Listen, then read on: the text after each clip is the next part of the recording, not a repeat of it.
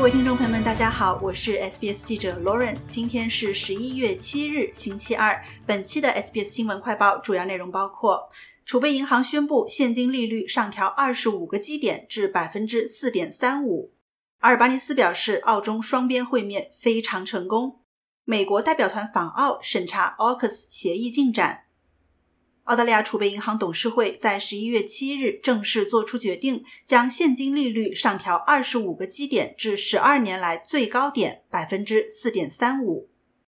储备银行在此前的四个月内将利率保持在百分之四点一不动，并称正持续观测评估自去年开始的积极调控措施的影响。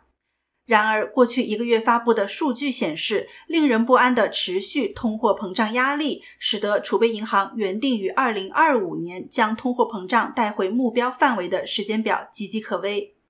尽管通货膨胀已经过了峰值，但截至九月季度的年度增长率仍然保持在百分之五点四，远高于澳大利亚储备银行设定的百分之二至百分之三的目标范围。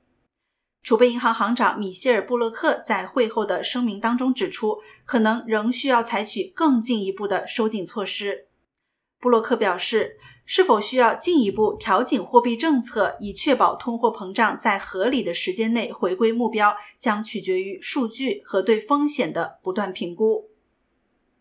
另一方面，总理安东尼·阿尔巴尼斯的访华之行正在进行中。联邦政府表示，澳中关系比一年前要更好。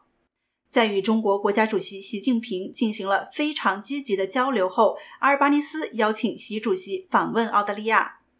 总理表示，他和习主席一致同意，习主席将在对两国均有益的恰当时机访澳，而阿尔巴尼斯本人也再度受邀对中国进行回访。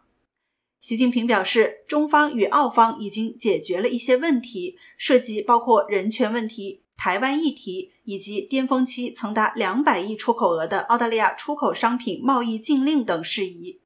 据悉，阿尔巴尼斯在访华期间两次会见了习近平，其中包括在北京人民大会堂进行的一次持续一个多小时的会谈。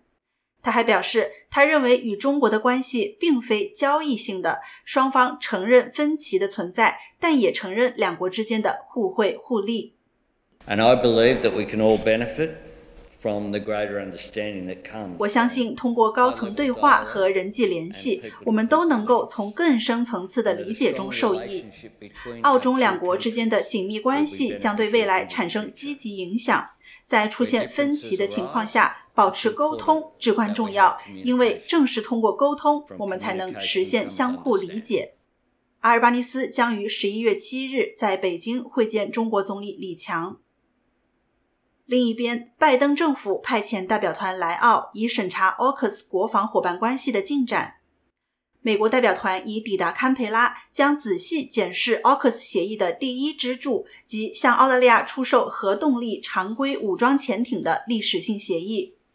代表团领导人、美国国防部国防政策代理副部长马拉卡林表示，三个盟国正在共同努力建设有实质意义的水下能力，以期实现一个更加稳定和安全的印太地区。AUKUS 三方协议是澳大利亚历史上最大的国防项目，也是应对中国在印太地区崛起的战略回应。感谢收听本期的 SBS 新闻快报，在任何的播客平台搜索 SBS 普通话，点击订阅，开启消息提醒，即可了解澳洲国内外新闻以及社区资讯啦。